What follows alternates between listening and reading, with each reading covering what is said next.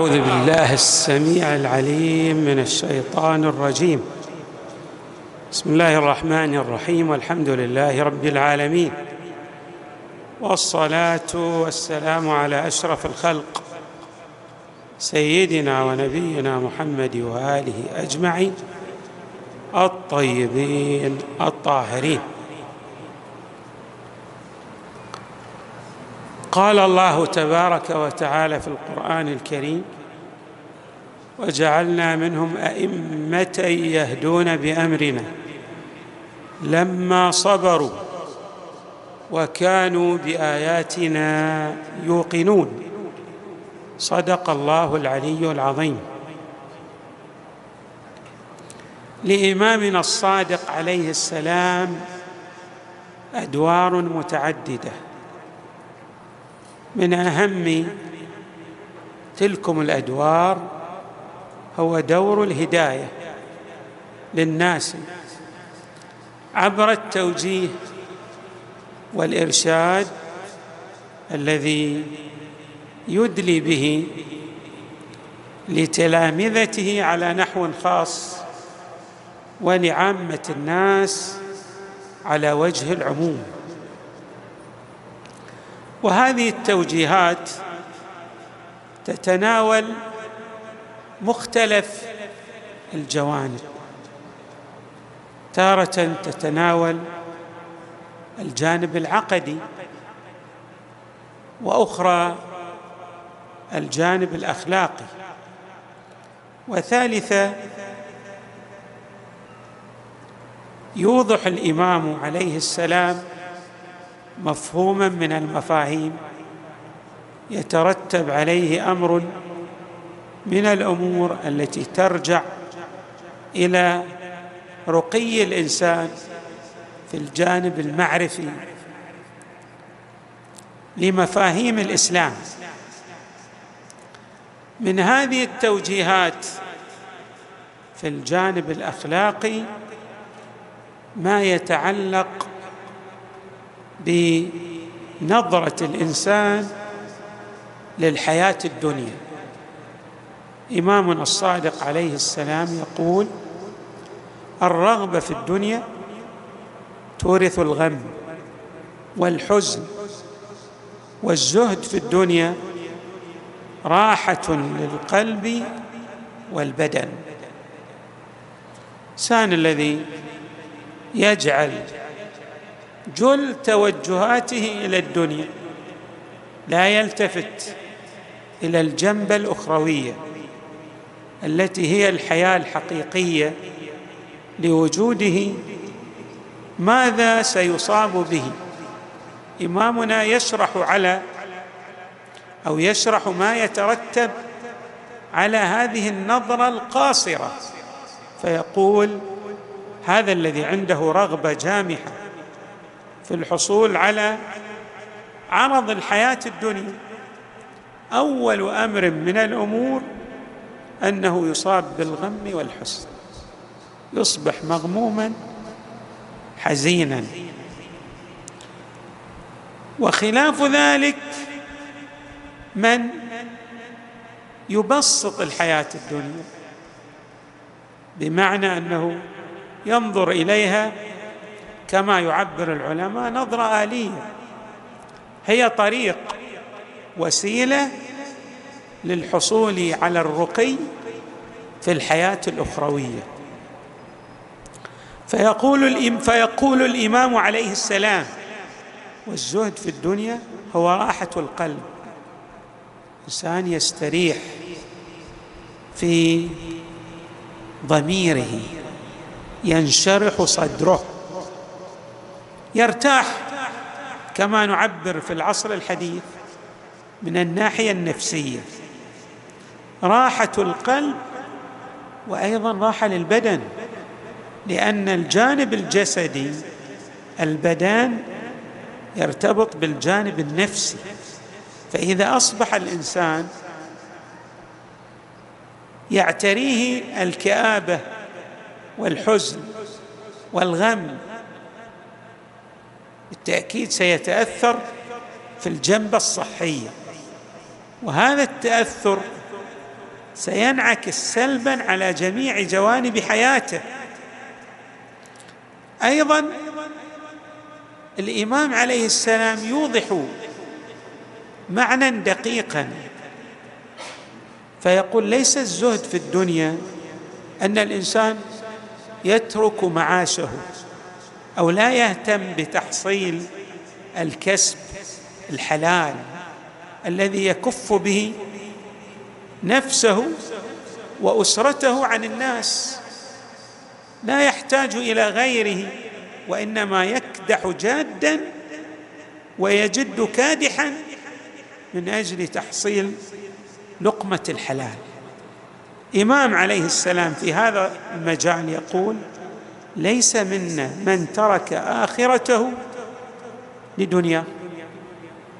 هذا ما سار على وفق منهج أهل البيت الذي يترك الآخرة للدنيا. وأيضا وليس منا من ترك دنيا لآخرته. دائما يتفرغ للآخرة ويدع نفسه كلا على غيره لا يهتم بأمر معاشه. اذا ماذا يفعل؟ هذه نظرة وردت في القرآن الكريم. وابتغي فيما آتاك الله الدار الآخرة. ولا تنس نصيبك من الدنيا. إنسان يسعى جادا لتحصيل معاشه. بل ويرفه على نفسه. ولكن يجعل ذلك من أجل آخرته. يعني جميع ما يحصل عليه من الكسب يرتب به أمر الآخرة وأمور المعاد. من الجوانب الهامة التي أيضا أعطانا فيها نظرة ذات عمق ولها مدلول يحتوي على مضامين كبيرة. مسألة البر العميق للوالدين. الله أمرنا ببر الوالدين. وجعل بر الوالدين يرتبط بالشكر للوالدين الذي يرتبط بشكر لل... بشكر الله تبارك وتعالى. ان اشكر لي ولوالديك إلي المصير. هذا أمر غاية في الأهمية.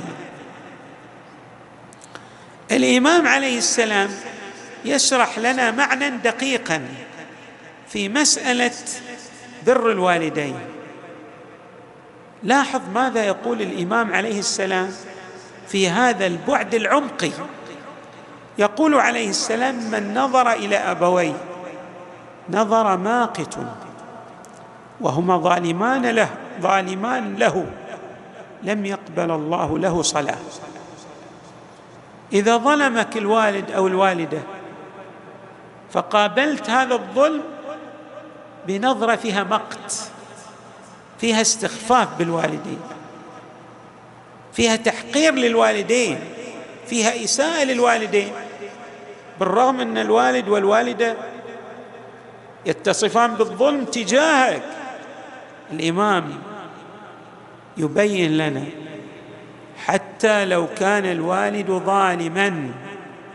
هذا لا يعني أنك تقابل ظلمه باستخفاف به وبنظرة مقت له بل عليك أن تبره. لماذا؟ لأنك أمرت من قبل الله بالبر. ظلمه لك أو ظلم الوالده لك لا يبرر مقتك لهما. ابدا. عليك أن تنطلق من التكليف الإلهي المناط بك والملقى على عاتقك. فتبر والديك وإن كانا ظالمين لك. هذه نظرة عميقة جدا في معنى بر الوالدين. تنطلق من قوله تعالى وقضى ربك ألا تعبدوا إلا إياه وبالوالدين إحسانا. دائما تحسن إلى أبيك وإلى أمك. من نظر إلى أبويه نظر ماقت لهما وهما ظالمان له لم يقبل الله له صلاة. أيضا الإمام عليه السلام يشرح لنا معنى دقيقا. يتعلق بالجانب المعرفي لله تبارك وتعالى. من هو أعرف الناس بالله تبارك وتعالى؟ من هو العارف؟ إذا نريد نطلق كلمة عارف على شخص من الأشخاص. عندنا ميزان يعطينا إياه إمامنا الصادق عليه السلام. فيقول أعلم الناس بالله أرضاهم لقضاء الله. هذا الذي يرضى بقضاء الله بما يجري في الكون. يرى أمور في ظاهرها ليست في صالحه ولكن في عمقها في مضمونها هي ترجع إلى الصلاح ترجع إلى خيره لأنه لا يعلم بأسرار هذا الكون. فإذا رضي بقضاء الله تبارك وتعالى دل ذلك على عظم معرفته لله. أعلم الناس بالله أرضاهم لقضاء الله الذي يرضى بقضاء الله. نحن في زيارتنا لامامنا الرضا الراضي بالقضاء والقدر. الامام يرضى بقضاء الله وقدره. يفوض الأمر كله إلى الله تبارك وتعالى. الامام أيضا في هذا في جانب جد هام يتعلق بما ينبغي للإنسان أن يقدمه من أعمال الخير التي ترجع عليه بالصلاح بالخير في دنياه وأخراه. يؤكد على مجموعة من الأمور. فيقول صلة الرحم والبر يهونان الحساب ويعصمان من الذنوب. فصلوا أرحامكم وبروا بإخوانكم ولو بحسن, بحسن السلام ورد الجواب. انظروا هذه مسألة جد هامة. ألا وهي أن صلة الأرحام ماذا تعمل في الإنسان؟ ماذا يستفيد منها الإنسان بعد موته بعد انتقاله من هذه الحياة الدنيا؟ الإمام يقول أول أمر أو أول أثر وضعي يترتب على ذلك هو أن يصبح الحساب يسيرا سهلا. الله يجازفه مجازفة لا يدقه في الحساب. يهونان الحساب. وهناك أيضا أثر وضعي حالي يترتب على ماذا؟ صلة الرحم والبر والإحسان إلى الناس. ما هو هذا الأثر الوضعي؟ ها أن الإنسان الذي يحسن إلى غيره يبر بغيره يتسامح في إساءة الغير إليه وعليه. ماذا يحصل له من الخير في الدنيا؟ يحصل له العصمة من الذنوب. الله يعديه يجعله يتجاوز الكثير من الآثام والذنوب. يكاد أن يقترف بعض الذنوب ولكن نتيجة لإحسانه إلى غيره الله تبارك وتعالى يجنبه اقتراف ذلك الذنب ويبعده عن ارتكاب عن ارتكاب ذلك المأثم. صلة الرحم والبر يعني بالإخوان. بالناس عامة يهونان الحساب ويعصمان من الذنوب. فصلوا أرحامكم وبروا بإخوانكم. تسامح قدم الخير لغيرك. وأدنى الدرجات السهلة للتسامح أن تسلم على غيرك. تبادره بالسلام. وإذا أيضا سلم عليك رد عليه الجواب لأن رد الجواب هذا من الأمور الواجبة السلام مستحب. ولكن رد الجواب هو من الواجبات عليك أن ترد هذا الجواب. ويبين أمور لها التأثير السالب والسيء والوبيل ويعبر عنها الإمام بقاصمات الظهر. من هذه الأمور يقول الإمام عليه السلام استكثار العمل. بعض الناس اللي إحنا نطلق عليه في عرفنا نقول عنده غرور بنفسه هذا مغرور. يستكثر عمل إذا جاء بعمل يقول ما شاء الله علي أنا ترى أفضل من غيري. عملت العمل الكذائي وقمت بالشيء الكذائي. هذا نوع من تسويلات الشيطان. وإغواء إبليس له. سان عليه أن لا يستكثر عمله مهما صدر منه من الخير وإنما يعتبر ذلك من التوفيق الإلهي. وما بكم من نعمة فمن الله تبارك وتعالى. بعد من الأمور التي تقسم ظهر الإنسان أن ينسى الذنوب التي سلفت. ما يتذكر الذنوب السابقة ويحاول دائما أن يستغفر وأن يجأر إلى الله وأن يدعو الله تبارك وتعالى أن يغطي على تلكم الذنوب ويجنبه التبعات المترتبة على الذنوب التي سلفت ومضت. اذا هذا أيضا من القاصمات لظهر الإنسان. شلون إحنا نقول هذا؟ كسر يكسر الظهر. يعني يخلي الإنسان ماذا؟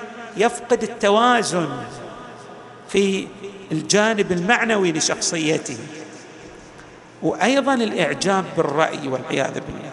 إنسان تشوفه بعد يقول خلاص أنا ترى آرائي لا يعتريها الخلل ولا يشوبها ماذا؟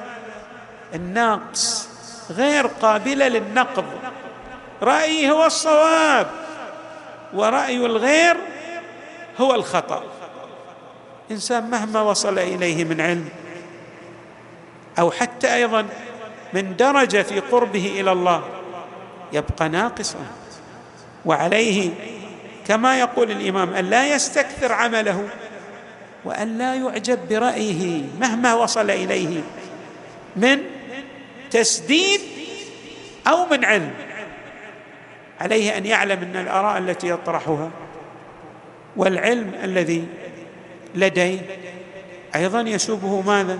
نقص. قال الله تعالى وما أوتيتم من العلم إلا قليلا. فعلى الحصيف في الرأي الحاذق عليه ماذا؟ الا يعجب برأيه. بل إن وفق للتسديد في أمر من الأمور أثنى على الله حامدا وشكر الله تعالى أن وفقه للسداد وأن أخطأ أيضا رجع إلى الله وأناب واستغفر وطلب من الله التسديد لأن الإنسان قد تصدر منه بعض الأخطاء ولكن عليه أن يتلافى أخطاءه أما إذا أعجب برأيه فلن يبالي بمعنى أنه إذا صدر منه الخطأ سيبرر ذلك الخطأ نتيجة لإعجابه برأيه والعياذ بالله. نسأل الله تعالى أن يجعلنا من السائرين على هذه التوجيهات السديدة التي أدلى بها صادق أهل البيت صلوات الله وسلامه عليهم أجمعين وأن يجعلنا وإياهم في الدنيا والآخرة. والحمد لله رب العالمين وصلى الله وسلم وزاد وبارك على سيدنا ونبينا محمد وآله أجمعين الطيبين الطاهرين.